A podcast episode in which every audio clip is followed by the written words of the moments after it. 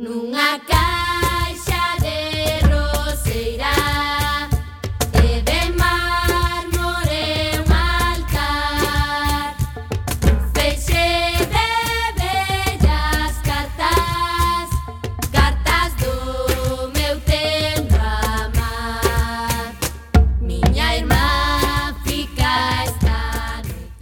Ola, que tal, recendeiros e recendeiras? Benvidos e benvidas a este espazo radiofónico semanal dedicado á cultura que facemos en riguroso directo todos os martes a 7 da tarde aquí no 103.4 desta emisora Cuac FM da Coruña.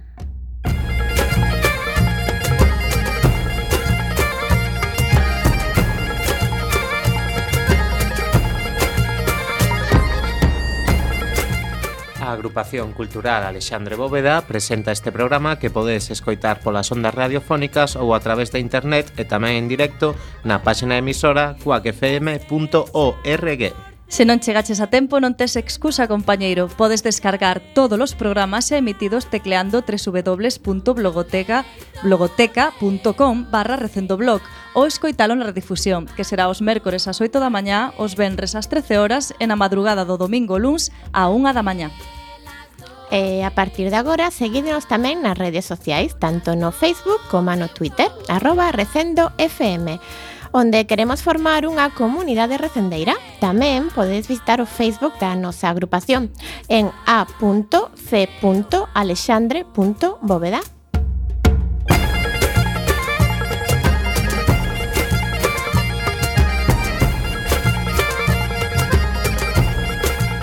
E xa sen máis, imos caralón a procura desta fantástica aventura cultural con Roberto Catoira e Antonio Brea no control técnico e falándolles coa Almenteira, Marta López, Gema Millán e Javier Pereira.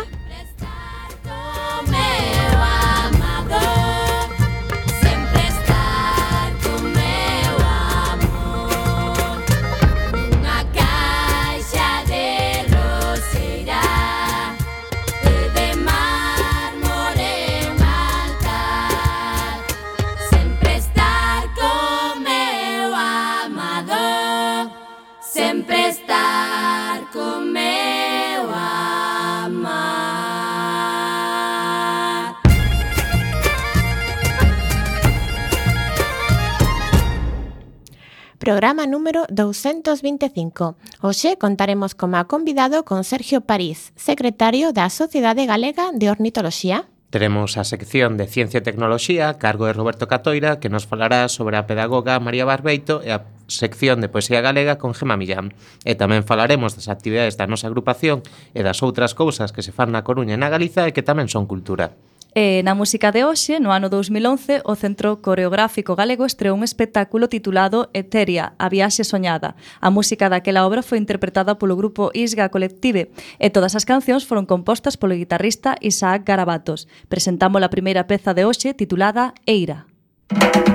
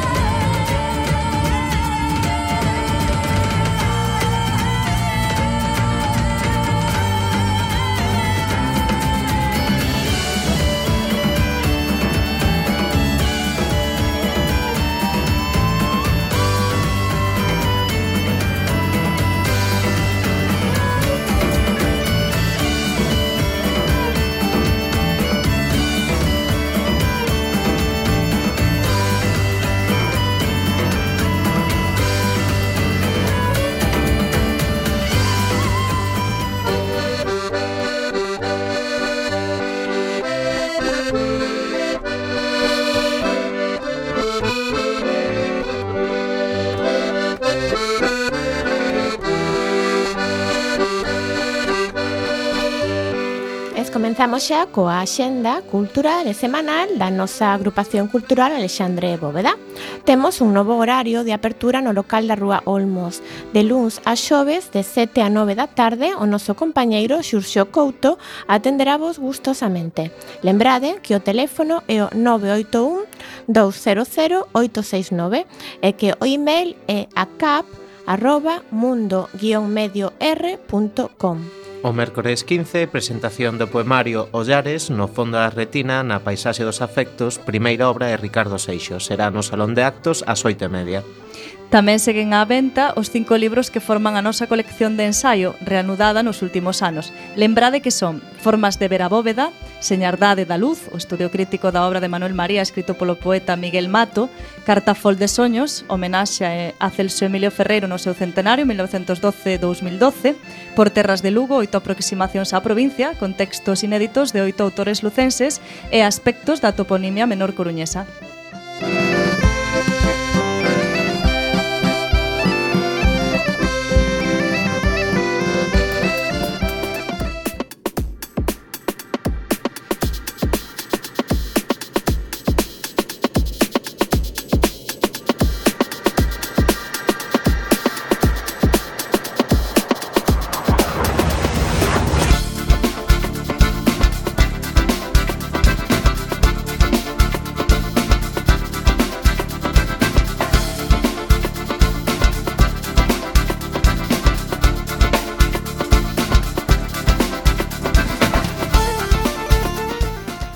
Imos aló coa xenda cultural da Coruña.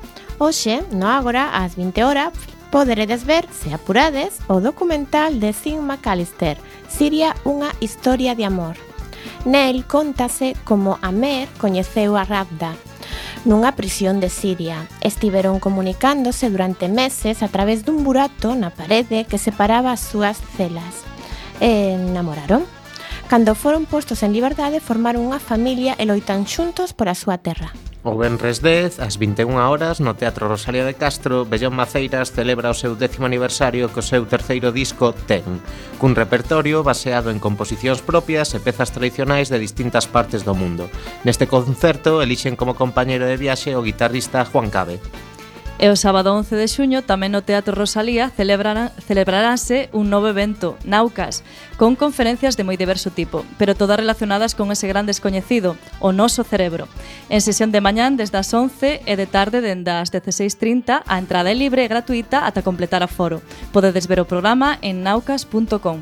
Ese mesmo día, ás 20 horas, no Teatro Colón, Ibuprofeno Teatro presenta A Illa de Woody Allen de Ibuprofeno Teatro no Teatro Colón, con dirección e textos de Santiago Cortegoso interpretados de forma magistral por Marián Bañobre. Espectáculo en clave de comedia na que a protagonista anda a procura do seu pai, do que só sabe que vive en Nova York, e lle manda un agasallo cada ano polo seu aniversario. Xa o luns día 13 ás 8:30 no Centro Ágora teremos unha nova sesión de poetas dinversos con Mercedes Rofé e Eduardo Estevez, dous autores nados en Bos Aires que escriben en castelán e galego respectivamente. Eduardo escribe dende o Val de Amaía, constituindo un dos autores máis representativos da xeración dos 90 en Galicia, e Mercedes escribe dende Nova York, sendo unha das escritoras máis recoñecidas da poesía latinoamericana actual.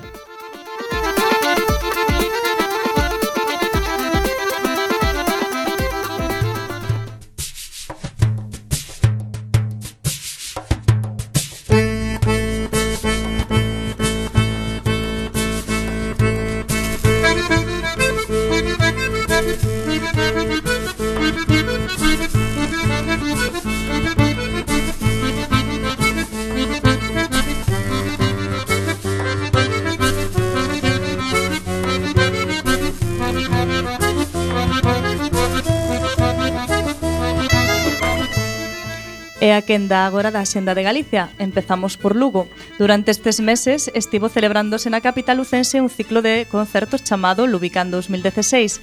Rematan este xoves 9 ás 20.30 horas na Praza de Santa María, coa actuación de banda Krevinsky. A entrada é de balde ata completar a foro.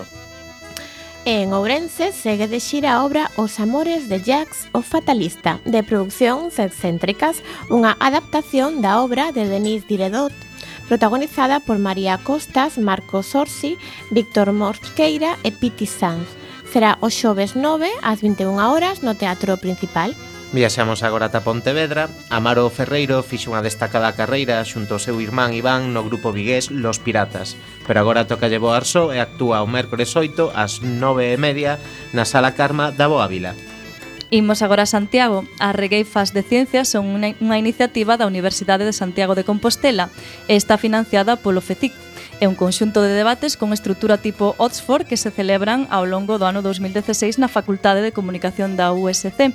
A primeira regueifa tratou o tema dos transxénicos e agora volve o debate para discutir se é un non conveniente que España cambie de, foso, de fuso horario. horario. Será o Benres 10, perdón, o Benres 10 de xuño ás 20 horas no Auditorio da Facultade de Ciencias da Comunicación. En Vigo, un grupo mítico, ou algo que se lle parece, ven de xira por Galicia. Ayar Anderson liderando o Jethro Tull, aínda que xa non está ningún outro dos integrantes originais. Este grupo leva case 50 anos sobre os escenarios para os que queiran disfrutar do rock progresivo con flauta tocan os xoves 9 ás 21 horas no Auditorio Mar de Vigo. Pegamos un chimpo ata Ferrol, chega o Festival Anual de Danza Oriental, Tribal e Bollywood organizado por Rosa Salanova Shakti e a Asociación de Danza Oriental Shakti Danza, onde bailarán Rosa Salanova e as súas alumnas da Escola Shakti Danza e bailarinas invitadas de outras partes de Galicia, Madrid e Asturias. Será o sábado 11 ás 20 horas no Teatro Jofre. E hoxe como novidade viaxamos a Paradela. O domingo 12 ás 5 ás 17 horas toca o grupo Fanfarria Taquicardia nas piscinas municipais.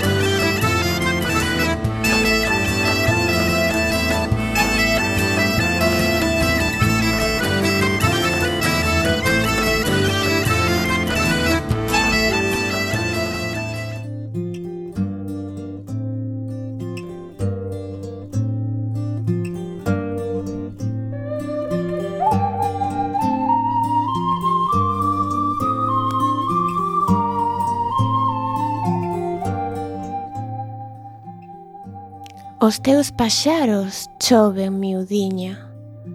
Sobre das miñas arbres e tamén sobre destes meus beizos que che cantan. Eu fago conta de que son de terra. Ou son a silveira no teu colo.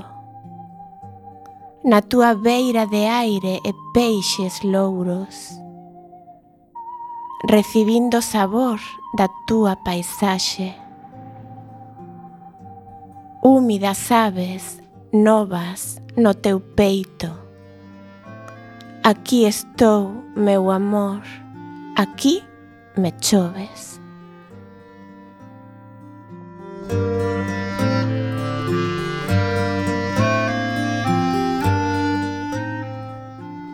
Acabades de escoitar o poema titulado Páxaro na boca, da poetisa galega Luz Pozo Garza, pertencente ao seu poemario, titulado tamén O Páxaro na boca, publicado no ano 1952.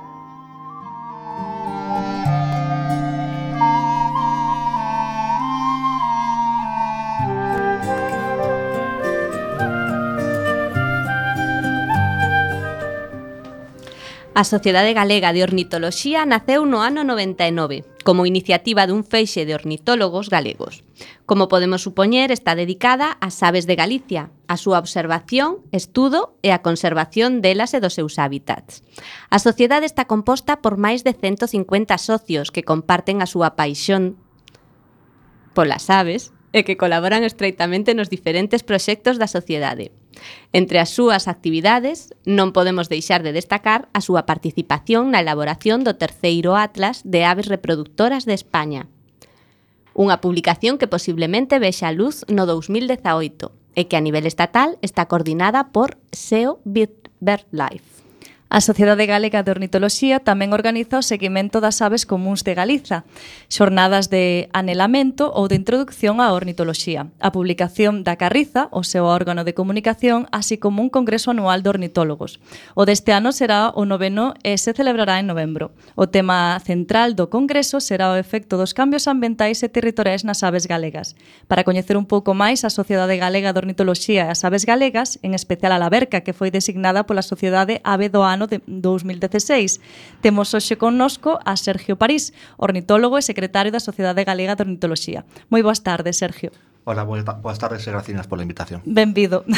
Para comezar, como é por que se, deci por que se decidiu constituir unha a Sociedade Galega de Ornitoloxía?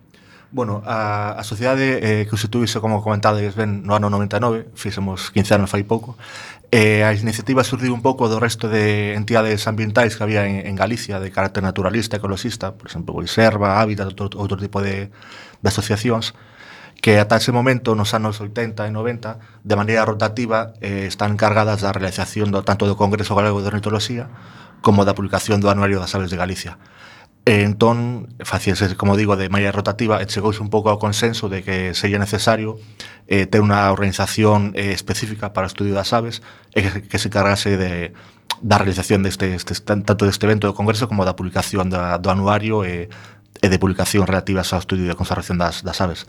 Entón, surdiu así un pouco como conglomerado eh, a partir de distinta xente que, que viu das, das outras entidades para, para continuar de maneira específica con, este, con estes traballos. Entón, no, houbo algunha experiencia similar con anterioridade, non?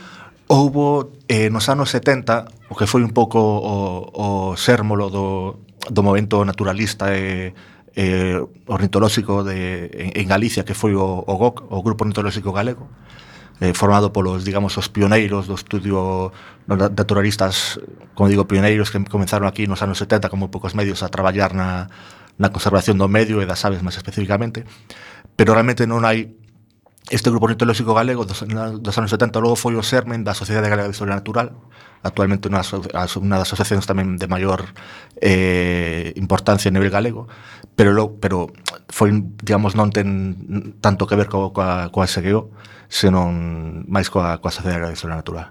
E antes da creación da sociedade, como era o contacto entre os ornitólogos de Galicia? Pois, dende logo, non por WhatsApp como agora. eh, era, eh, o colectivo é un colectivo eh, a nivel global, digamos, o colectivo de ornitolóxico de, de seguidores e observadores de aves é un dos máis potentes dentro do, do, do grupo de xente que se encarga, que se dedica a observar por hobby, por pasión ou por afición a, a natureza. Sempre o colectivo ornitolóxico foi un pouco máis foi o máis potente, o, máis, o que máis xente xente atrae E a comunicación, pois, neses tempos, pois, eh, como digo, eran xente que está en distintas eh, asociacións, en Coruña, en Lugo, en Santiago, en, en Vigo, e pois o contacto a través de, de boletíns, de publicacións máis, digamos, máis rudimentarias das que pode haber agora, eh, contacto postal, eh, un pouco de, de maneira un pouco máis máis tradicional, eh, máis tradicional sí, pero tamén con vínculos moi moi fortes, digamos, un, un grupo sempre moi moi unido. Mm. Que de, bueno, ahora supoño que será por Twitter por o tema do chío, non? sí, pues, sí, a verdade que parece que, que está feito especificamente para, para, para o noso tema do Twitter. Para vos, falando sí. un pouco dos ornitólogos eh, e da Sociedade Galega de, de Ornitoloxía, queremos saber un pouco A ver, como son os ornitólogos? Que, que, que, que xente vai a unha sociedade galega de ornitoloxía? Que idade teñen? Procedencias? Como, como deben un a convertirse en ornitólogo? Eh, a ver, como dicía, eh, realmente o tema da, das, das relación e o disfrute das aves sempre foi o que tivo un pouco máis gancho na, na xente que, que sempre se sentiu un pouco pois, atraída por, por a natureza, polo medio ambiente. As aves eh, son moi son moi agradecidas de, de observar, son bonitas, teñen plumases vistosos, cantan, voan, sempre o, o tema do mítico do, de poder voar eh, é moito máis sinxelo pois dar un paseo polo campo e ver eh, 20, 30 especies de aves que salir pola noite a levantar pedras buscando anfibios ou, certo. ou outro tipo. Entón, sempre foi unha, unha moi máis máis fácil de realizar e moito máis agradecida. Entón, procedencia, pois, de todo. Digamos, aquí en, en Galicia o o ornitólogo promedio pois sería unha persoa normalmente lamentablemente maioría masculina, de que cada vez se van soando máis máis rapazas, máis compañeiras. Facemos aquí un chamamento eh, sobre as ouvintes sí. femininas con intereses da ornitoloxía sí, sí. que se poñan en contacto sí. con vos. Eh, eh, pois de media entre, non sei, pois hoxe en día entre 25, 20, 40, 50 anos, digamos, pois unha persoa así de idade media. Eh, e anda que tamén hai rapaces, que a veces nota máis que máis rapaces se van, se van animando a collos prismáticos, a sair ao campo a, a, a ver aves, Eh, pero basicamente pois de calquera procedencia, estudio, condición, simplemente xente que se que, que se sente atraída e apasionada por por lo que Sí, é algo campo. e- asequible, non? Para calquera persoa, independentemente dos estudios que teña. Claro, sin, realmente sempre estamos falando dun, eh, natu- non é unha ciencia en, en sí, existe unha ciencia, pois, pues, unha rama de biología que se dedica a estudiar as aves, pero sair ao campo con os prismáticos é unha guía a, a disfrutar e, e pasar unha tarde maravillante coas aves e observándolas simplemente polo placer de observalas está ao alcance de calqueira. evidentemente se queres subir un pouco o nivel, pois pues, está o inconveniente de que eh, a óptica pois son materiais caros, un telescopio, uh -huh. prismáticos, tal, pero bueno, calquera, eso xa estamos falando de pois se queres realmente meterte eh, a observar así a esa a distancia tal, pero a nivel básico e familiar eh, é algo totalmente asequible para, para calquera, vamos, non é necesario ter conhecimentos especialmente de base eh, moi moi grandes. Perfecto, Sergio. E ti, en concreto, como atinizaches neste precioso mundo? A ver, queremos eu, saber todo, eh? Debe ser algo xenético, me parece, porque xa dende, dende pequeniño xa tiña Eu de neno eh, non sabía que era un biólogo, non son biólogo, son de formación forestal, pero bueno, non sabía que era un biólogo, nin un ornitólogo, nin un naturalista, entonces para mí nos que de neno sempre me encantaban os, os animais, a natureza, e para mí nos, os que andaban con os animais eran os veterinarios, entonces dicía que era veterinario. Claro. E tiña na miña casa pois unha mesiña que para mí era o veterinario, estaba ali xogando, os meus amigos xogando con con bonecos e tal, eu xogando aí con fichas de, de animais, de pasariñas e tal, un bicho raro. eh, foi de sempre. Tive na sorte de... Eu son, son vecino de, de Oleiros. E tive na sorte de que nesa época, nos, nos 80, xa fai tempo, eh, houve un movimento eh, ambiental moi moi forte da man sí. do colectivo ecologista naturalista Biotopo e incluso da propia Fundación Municipal de Cultura de Oleiros. Eh, que a que nos, nos enganchamos un montón de, de rapaces de, de Oleiros, pero tamén de, da Coruña, da, da comarca. E foi un pouco un rapaz que ten esa realmente ese que lle sale dentro ese esa pasión, esa, esa afición eh, e volvo a ter algo a que poder engancharte non, non quedarte así por... realmente non hai moitos nenos que, que dende pequenos entón non tens moitos nenos para, para compartir a entón ese punto de enganche eh, realmente foi importante para, para logo seguir aí no, no tema e seguir profundizando e aprendendo claro Sergio, eh, como se dá Galicia para a observación das aves? Como é o noso territorio? Galicia temos eh, moita sorte pola nosa situación xeográfica sobre todo eh, eh, temos hai distintas regións en Europa e no mundo, cada unha ten as súas características. Eh, nós estamos eh, por un lado xeográficamente nunha situación unha posición un pouco eh, digamos a cabalo entre os mundos, entre o mundo atlántico e o mundo mediterráneo. Entonces, eh, a, a rexión mediterránea é unha das rexións de, máis, de maior biodiversidade do mundo, unha cantidad enorme de, de especies e de riqueza natural, e esa a nos non nos chega, estamos un pouco máis no, no, no límite. Entón, estamos a, máis na zona de influencia atlántica, que temos aves, as aves que temos aquí, pois as poden pode ter calquera observador de aves, calquera ornitólogo británico ou alemán, as que, as que pode ter na súa casa. Sempre facemos a referencia aos británicos porque é onde realmente a, eh, donde é un pouco o verse, eh, digamos, a primeira división do mundo da ornitoloxía. Uh -huh. Antes comentaba esos datos, a Sociedade de Ornitoloxía temos 150 socios, máis, algo máis de 150 socios. A RSPB, a Royal Society for Protection of Birds, en Inglaterra, ten máis de millón de socios é unha organización eh, moi moi potente, o sea, ali calquera subilado británico de media ten, é ornitólogo, ten os arrabais. Entón sempre un pouco a, a referencia estamos un pouco a entre esos dous mundos, entón realmente non temos nada especialmente eh, relevante, eh, a non ser que empecemos a falar do tema da migración. Uh -huh. Estamos nunha esquinina de Europa, na esquina suroeste, aquí, a cabalo do, do Atlántico, e, e pasan polas nosas costas, estamos, somos unha auténtica estación de servicio nunha autopista pola que pasan todos os anos eh, millóns de aves nas súa migración desde o norte de Europa ata África. Cambian moito as aves que podemos observar según a estación. Totalmente, claro. As aves eh, poden voar, entón iso fai que se sean moi, moi dinámicas, temos aves que son, aparte de aves que están aquí todo, todo ano, como papo rubio ou caquera pardal, temos aves que veñen en inverno eh, a pasar o, o inverno escapando do frío do norte de Europa e temos aves que veñen en verano a criar escapando da, do calor de, de África. E logo temos, como digo, eh, a maior importancia da nosa zona, que somos potencia mundial, poderíamos decir, eh, en o que é na observación de, do paso migratorio. Calquera, calquera cabo eh, está aí o, o máis importante, que é a estaca de bares, pero calquera cabo, incluso aquí en Puntarmiña ou Torre de Hércules no outono, na época da migración, é un espectáculo observar os milleiros de aves mariñas que cruzan por o noso mar de camiño ás súas áreas de, cría, de invernada en, no Atlántico Sur, na Oceanía ou na costa de África. E cal crees que é a mellor estación para observación? Pois precisamente diría que, que isa en Galicia, eh, o outono, porque a zona a época na que realmente nos destacamos pola somos, como decía, todas as aves de todo ese fluxo, esa corrente de, de aves do Norte de Europa que vais cara ao sur de cara a África, cara ao hemisferio sur, sobre todo as aves mariñas, tenen que, que doblar a esta esquina que supón Galicia, na costa de Europa. Uh -huh. eh, entonces aquí se concentran moitas. É a mellor época para observar aves que proceden de, de Norte de Europa que aquí, pues, podemos verlas aquí non, non moitas outras zonas de, e da Península Ibérica. E o top 10 das ubicacións, Estaca de Bares, entón? Estaca de Bares. Estaca de Bares é eh, probablemente o mellor cabo, o mellor punto eh, terrestre de, de, Europa para observación de, de aves, de aves eh, mariñas eh, migratorias. Eh, una, una, maravilla, vamos, pasan, estimas en, en torno a 10, 12 millóns de aves que pasan por diante do, do Cabo Estaca de varios os autónomos.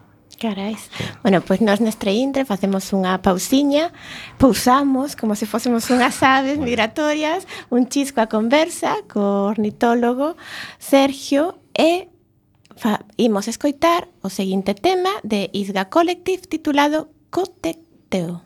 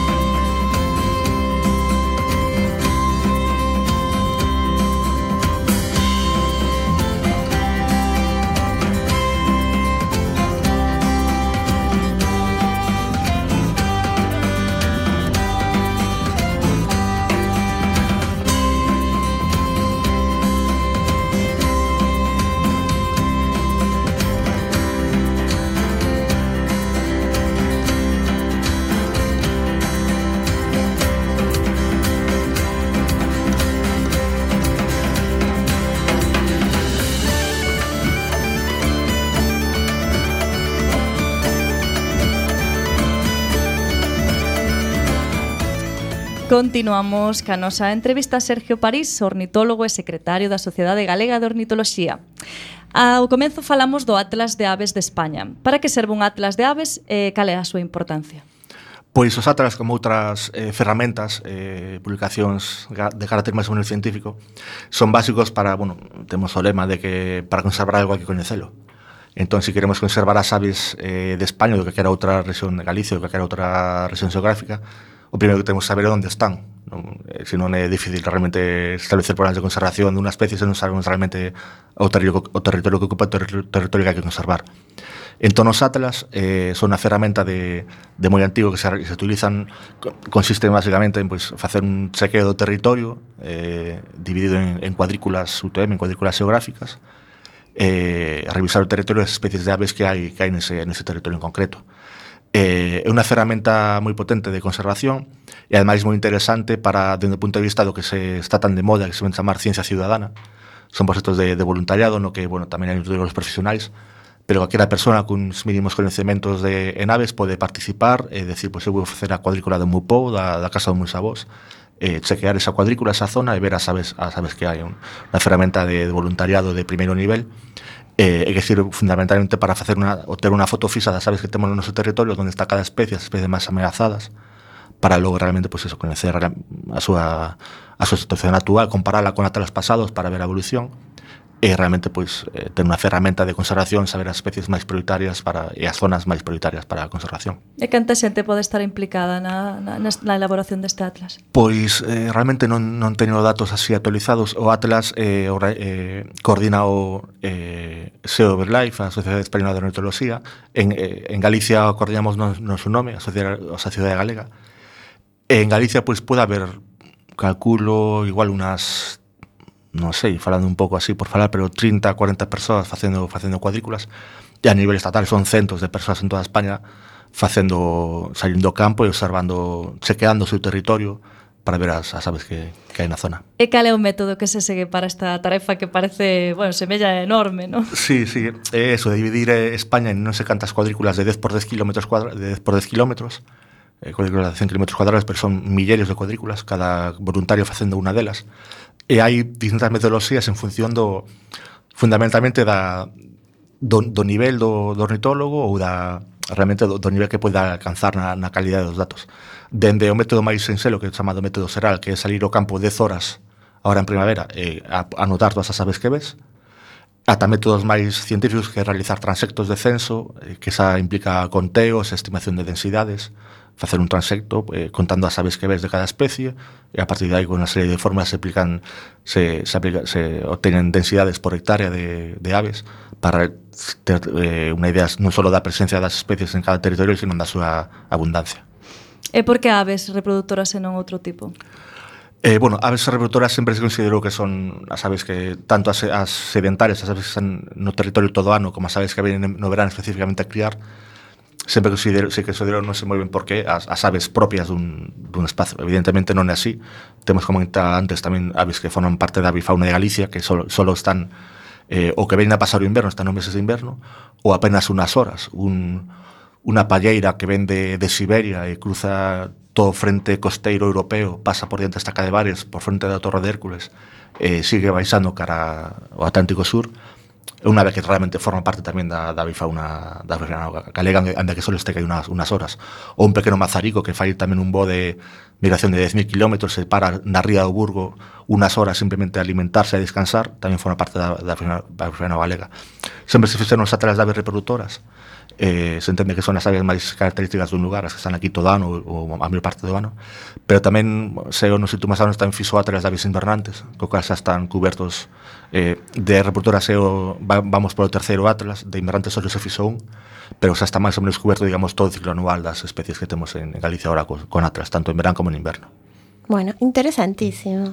Ahora, estamos no 2016, que é o ano que a Sociedade Ornitolóxica de Galicia decidiu que fose o ano da Laverca. Da Laverca. Moi ben, pois imos a falar a, da Laverca, da, da protagonista deste, deste ano. Como podemos recoñecer unha Laverca?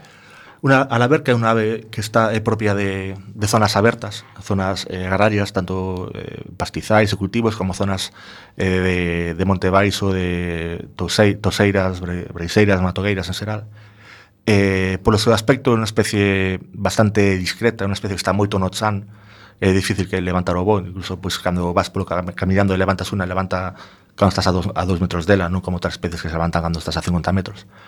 Entón está moito no chan, unha especie de unha base moi crítica, moi marrón, moi discreta para, para camuflarse aí no chan.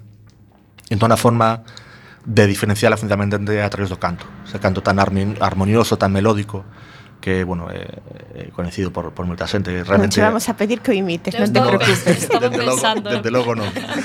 Se me serias trae unha grabación para a bollera, pero... Pero realmente para moitos a, a banda sonora do, do verán Empezar a cantar na primavera, no verán e Vas por calquera zona Hoxe en día E sobre todo en zonas interiores nas que se mantén ese mosaico agrario De zonas de cultivo, zonas máis ou menos abertas Ou zonas de montaña ou media, ou media montaña que é onde nos quedan Eh, pero, eh, típico ter, que es esa, o canto da laberca o, o sonido de fondo de, durante durante o paseo. Cando se avisa da chegada do verán a ver. Sí, sí, además empeza da primavera, porque empeza moi en marzo se empezan a, a cantar moi moi cediño. Concretamente cal é o seu habitar? Como decía, sobre todo é unha especie de zonas abertas, unha unha ave de eh, Este, este grupo de aves, bueno, técnicamente os alaudidos, alaudidos son, son aves, se consideran esteparias, aquí non temos estepas, pero bueno, hai zonas abertas, incluso tanto zonas de media montaña ou montaña como toseiras de calquera serra de Ancares, Courel, ata serras da dorsal galega, ata zonas pois agrarias, paisaxes como pode ser que temos no interior da provincia da Coruña, unha terra chá, paisaxes abertas, son non lle gustan non unha especie de zonas de zonas forestais eh, moi pechadas. E realmente está sendo a súa perdición, digamos, en Galicia. Ese, ben. ese problema. E que foi o que vos decidiu adicarlle este ano 2016 a, a la verca? Pois pues un pouco como representante deste, destas especies de aves eh, sempre se refire a las como aves propias de medios agrarios. Uh que son as que están como, como grupo, digamos, as que están a sufrir maior eh, declive das súas poboacións en Galicia, en España e en toda Europa. Eh, esta é tanto, por un lado, o tanto abandono do medio rural eh, que provoca pois eso, abandono eh, e eh, reforestación, re, rematorralización de áreas antigamente agrarias abertas, como a intensificación, o sea, os dous polos, abandono e intensificación, eh, están provocando que, non só a sabe, sino en xeral, eh, moitas especies de propias de medios agrarios que levan eh, milleiros de anos convivido co, co home en, en sistemas agrarios tradicionais eh, son as que están nos en día en maior, problema, eh, maior declive poblacional O sea, por, un pouco, por esa transformación. algo reivindicativo, podemos decir. Claro, é unha especie que está unha especie que foi sempre moi común e hoxe en día queda menos hábitat toda a fresa costeira galega eh, totalmente ecualitizada, eh, hecha de piñeiro e urbanizada, pois pues, eh, non quedan non quedan labercas. É unha especie que era moi típica das matogueiras costeiras comentaba, pois, aquí na, na comarca da Coruña únicamente quedan nos, nas últimas na, na zona do Siso Branco, en, en Oleiros, que mantén esa, esa paisaxe de, de mato e, e toseira. Pero, como digo, unha especie que esta transformación de, de usos do, do territorio pois está, está facendo que cada vez esa máis, máis, máis escasa.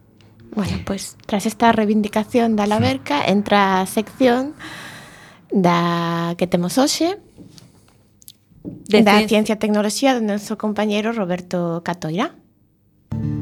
Quero alcanzar a cúpula máis alta Avistar da torre Vía Láctea Sumir o negro das columnas, resplandecer en lámpadas de gas. Eu astronauta lírico en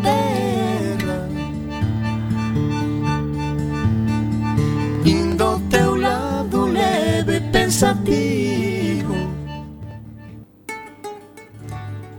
Boas tardes, Roberto. Hola, boa tarde. De quen imos falar hoxe? Pois hoxe tiñamos previsto falar de María Barbeito, que naceu na Coruña en 1880 e morreu tamén nesta cidade en 1970. Esta destacada profesora foi probablemente a máis destacada pedagoga galega de comezos do século XX, tanto pola súa finura e alcance intelectual como tamén pola súa dimensión práctica. De feito, algunhas estudosas colocan a par de Concepción Arenal e de Emilia Pardo Bazán. E que podemos destacar no eido profesional e académico? Eh, despois de realizar os seus estudos de magisterio, comezou o seu exercicio profesional como mestra de párvulos en 1901, pasando en 1902 a Escola da Guarda, que con ela chegaría a ser un modélico centro graduado, que radiou con María Barbeito como directora dende 2000, eh, perdón, desde 1915, renovación pedagóxica ata fin da Segunda República, máis de 20 anos seguidos. E, ademais, María Barbeito tamén tivo unha intensa actividade profesional e académica como profesora, como especialista na didáctica infantil que impartiu cursos para o profesorado e como mestra inspectora por nomeamento directo do Ministerio de Instrucción Pública en 1933. Foi unha das primeiras dez primeiras mestres ou mestras inspectores nomeados. Eh, por se non chegara con todo isto, foi publicista, conferenciante, traductora de textos franceses e unha muller sempre presente na vida social e cultural da nosa cidade. E no plano social, que podemos alentar? Pois, como muller progresista e cun marcado sentido da xustiza social, impulsou varias institucións como el Niño Descalzo e o Comedor e Ropero das Escolas da Guarda. Participou na dirección das colonias escolares, das cantinas escolares Concepción Arenal e da Junta de Protección á la Infancia. Ademais, tamén presidiu a Asociación Concepción Arenal para a Protección e Rehabilitación del Preso. Estivo atenta ao funcionamento da Casa Cuna e do Tribunal Tutelar de Menores da súa cidade. E aínda máis, porque ten un longo currículum, como vedes, eh, foi constante defensora de emancipación e de educación sen discriminación das mulleres. E así o promoveu nas escolas da Guarda, como conferenciante en diversos foros, entre eles o da Agrupación Republicana Feminina da Coruña en 1934. Desde a súa pertenza ao Instituto de Estudios Galegos, ou a hora de pronunciar en 1916 o discurso de inauguración do monumento a Emilia Pardo Bazán. E cales foron as súas principais achegas como pedagoga? Pois no plano pedagóxico viso influenciada por diversos aspectos do, craus, do krauso positivismo. Sentiu de modo moi vivo a influencia da médica e pedagoga italiana Maria Montessori, a creadora dunha metodoloxía didáctica da educación infantil e dun material didáctico específico, manipulativo, sensorial e analítico ao servizo do desenvolvemento da inteligencia. Todos oiríamos falar das escolas Montessori, non? Uh -huh. Aboliu os sistemas memorísticos e introduciu as referencias didácticas e pedagóxicas procedentes das reflexións do filósofo pragmatista americano John Dewey, como tamén as do médico e psicopedagogo belga de Crowley. E, ademais, estaba convencida de que había que abrir as portas das escolas á cultura galega e así propuxo dar os primeiros pasos co seu artigo El bilingüismo e la escola gallega, que publicou no Boletín da Real Academia Galega da que formaba parte desde 1908. Eh, ese artigo publicado en 1931, pero hai que ter en conta que estaba casada cun dos fillos de Andrés Martínez Salazar. Introduciu nas escolas da guarda, observación antropolóxica e uso de fichas para o estudo psíquico individualizado de cada alumno e promoveu a coeducación. María Barbeito viviu nunha época complicada, tivo consecuencias para ela isto. Como non ia tero? Foi, sen dúbida, a súa limpa conciencia cidadá a que non soportaron as novas autoridades políticas en 1936, como lle pasou a máis xente expedientando e condenando ao ostracismo. Pensade que naquel momento xa tiña eh, 56 anos. Eh, un tempo no que ela emprendeu a traducción de textos e confección de diversos traballos como o que dedicou ao estudio e concepción arenal, entre outras actividades. Isto foi un breve resumo, podríamos estar falando máis tempo, pero haberá que seguir con Sergio eh, os eh, pasaros. Pois moi interesante o que nos contas. Gracias, Roberto. Nada, a vos. E retomamos a conversa con nosa compañeira Oxía. Sí, seguimos aquí con Sergio da Sociedade Galega de Ornitoloxía. Sergio, cales son as ameazas para as aves que se reproducen aquí en Galicia? Pois fundamentalmente xa vin dando pistas anteriormente eh, o, o cambio de, de hábitats derivado de, da enorme transformación que está producindo no, no medio agrario galego, tanto a través do abandono medio rural, que ten consecuencias non só sociais e económicas, senón tamén eh, ambientais, eh, temos vivimos en, en Galicia, en toda Europa, en paisaxes culturais nas que levamos a, a un home milleiros de anos eh, convivindo con aves adaptadas a, a, a convivir no, en, no medio agrario, eh, adaptadas incluso a convivir no, no entorno humano, eh, este o abandono actual das últimas décadas do, do territorio, abandono e por outro lado tamén a intensificación a nivel industrial, tanto agraria como instalación de parques eólicos, de outro tipo de infraestructuras, eh, están alterando o medio, entonces están alterando o medio de, de moitas especies de aves que levan anos adaptadas a un determinado hábito, a un determinado forma de, de vida e que se está alterando. E por outro lado tamén temos o problema eh, esa recorrente de, de para, no caso das aves mariñas tanto de de, de mareas negras eh, como eh, intensificación pesqueira en algúns casos que está afectando moito a especies de, de aves mariñas, buceadoras, mergulladoras, como o corvo mariño cristado, por exemplo, que, que está sufrindo unhas mortalidades moi grandes en, en artes de enmalle, en, en redes, sabes que botanse a bucear e atopanse coas redes. Corvo mariño cristado é unha especie que era moi moi abundante en Galicia, e dende o, dende o Prestige, que fai, fai 15, entre 10 15 anos, entre os efectos do Prestige e a intensificación en determinadas zonas en torno das Illas Atlánticas, sobre todo, dos usos de, dos emarios pesqueiros, eh, descendeu nestes 15 anos un 90% da súa poboación. Carai. Eh, son especies, eh, as, tanto as especies marinas como as especies propias de medios agrarios son realmente as que están sufrindo máis máis eh, unha maior Eh, unha peor tendencia poblacional nos últimos anos. E ademais do cormariño, algunha outra ave que este en maior risco de desaparición? En Galicia temos, por exemplo, o caso de, do arao, ah. que foi, os en día, se alguén calquera galego lle preguntan a ver, a ave, a, cal é a ave mariña ou a ave costeira máis, pois, pues, a gaibota? Pois a ave mariña máis abundante en Galicia ata os anos 60, 70 era o arao, unha especie de, de pingüino, así pequeniño, blanco e negro, un bichino pequeniño, que eh, tiremos por milleiros criando nos acantilados de costas de Galicia nas Illas Cíes, nas Illas Isargas, Cabo Vilano, os Aguillóns, e que descendeu dende metade do século XX, dende esos milleiros de parellas ata a actualidade, que nos quedan no Cabo Vilano, pois, una, un par de bichos ali, unha parella, dúas parellas, unha, unha tendencia eh, negativa absolutamente brutal, vamos. Eh, moi vinculada, eh, non se conocen na ciencia ciertas as razóns, pero vinculase moi probablemente co cambio no, nos os pesqueiros tradicionais na aparición do nylon nas redes, no cambio das redes tradicionais por, por, por o nylon, que, que supuso unha maior, moita maior mortalidade en, en artes de malle Eh, aves endóxenas en Galicia? Non temos especies eh, endémicas que, que, que tapamos solo en Galicia a nivel mm, mundial, sí, sí, digamos. Sí Eh, sí que temos especies, por, por exemplo, arao, que a nivel estatal solo criaba en, en Galicia. Temos o, o mazarico, que solo cría eh, na terracha, eh, an, tamén a nivel estatal, 4 ou 5 parelliñas eh, en determinadas zonas de, da terracha.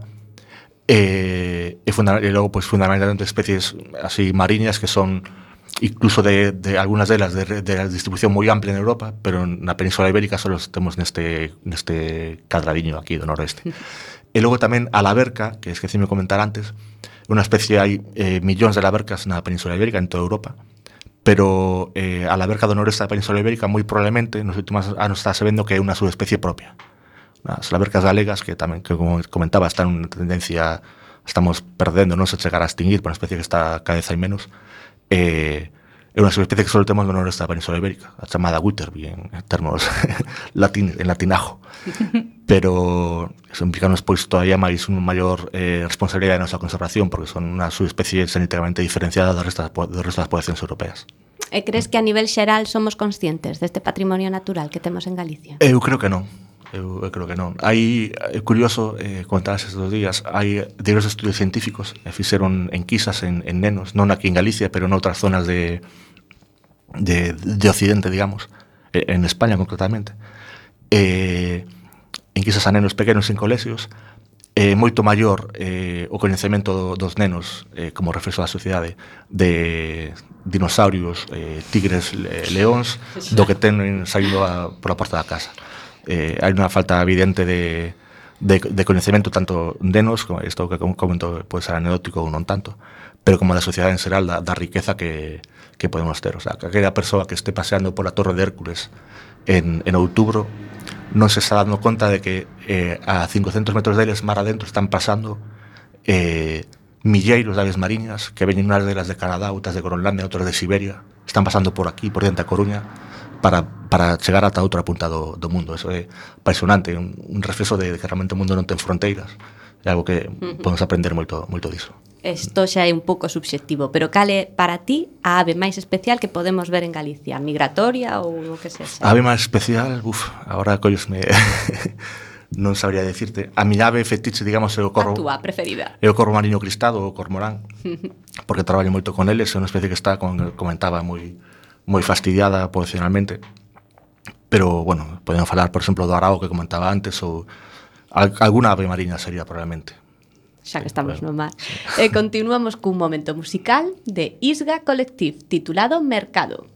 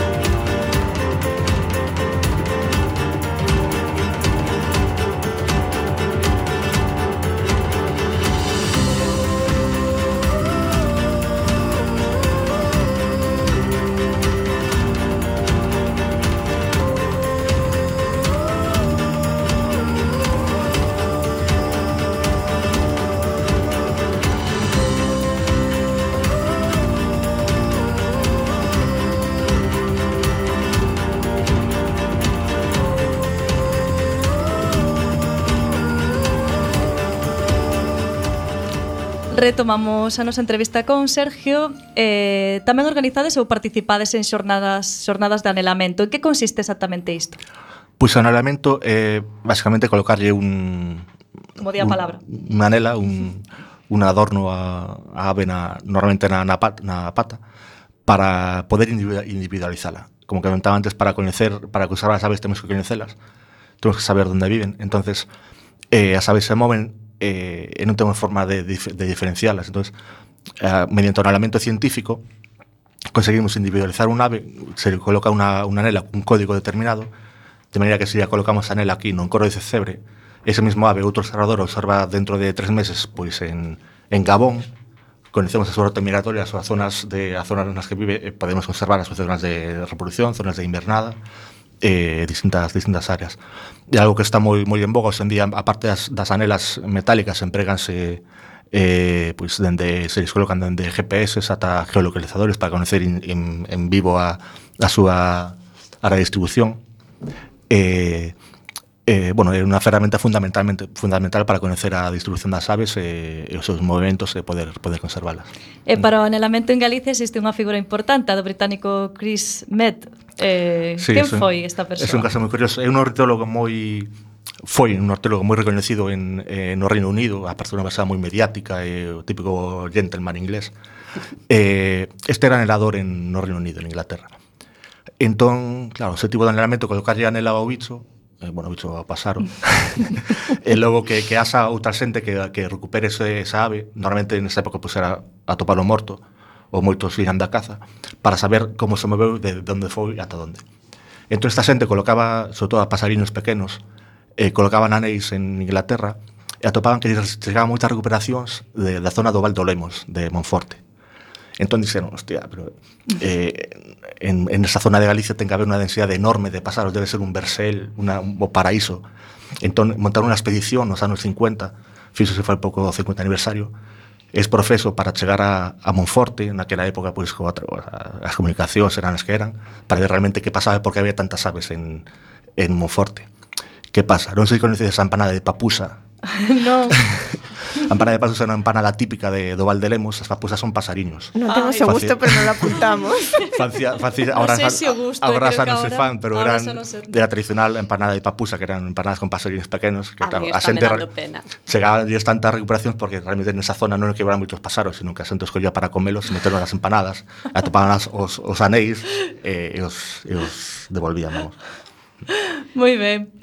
E o próximo congreso de novembro como vai ser? Rapidiño, rapidiño, sí, que a pois, nosa bueno, vai ser en, en novembro esta semana temos a asamblea na que se decidirá a data exacta e a, e a localidade invito a todos a asistir a una, un, un congreso así moi de andar por casa, pero bueno, moi moi moi interesante para, por exemplo, para estudiantes de biología e tal. Ali no, estaremos, eh, se queremos no que, ir, como nos poñemos en contacto? Pois eh, tanto a través da, da web da Sociedade Galega de Ornitoloxía, que é sgo.org, como a través do correo electrónico que podes atopar na, na página web. Eh, tamén estamos en estamos en Facebook, eh, social, bueno, buscando en Facebook a, a nos atoparedes, eh, en Google a través a través de Google chegar a, a nosa página. Eh, correo electrónico a través do formulario de contacto que temos na web, pois calquera cousa, calquera persoa que quera eh, apuntarse pois está será benvida. A través de Facebook, de Facebook informamos de todas as actividades que facemos habitualmente. Esta ano vais a facer unha serie de, de cursillos de iniciación na renteoloxía por todas as reservas da biosfera de Galicia eh, que pode ser unha, unha casa moi, moi interesante para que aquela que teñan curiosidade, pois, eh, se inicie neste, neste mundo. Pois Sergio, gracias por vires, pero os nosos chíos e o tempo de radio chega ata aquí. Moi ben, pois gracias a vos, pasen moi ben. Unha aperta. E sen tempo para máis odiseas, imos chegando a fin do camiño deste recendo e despedimos o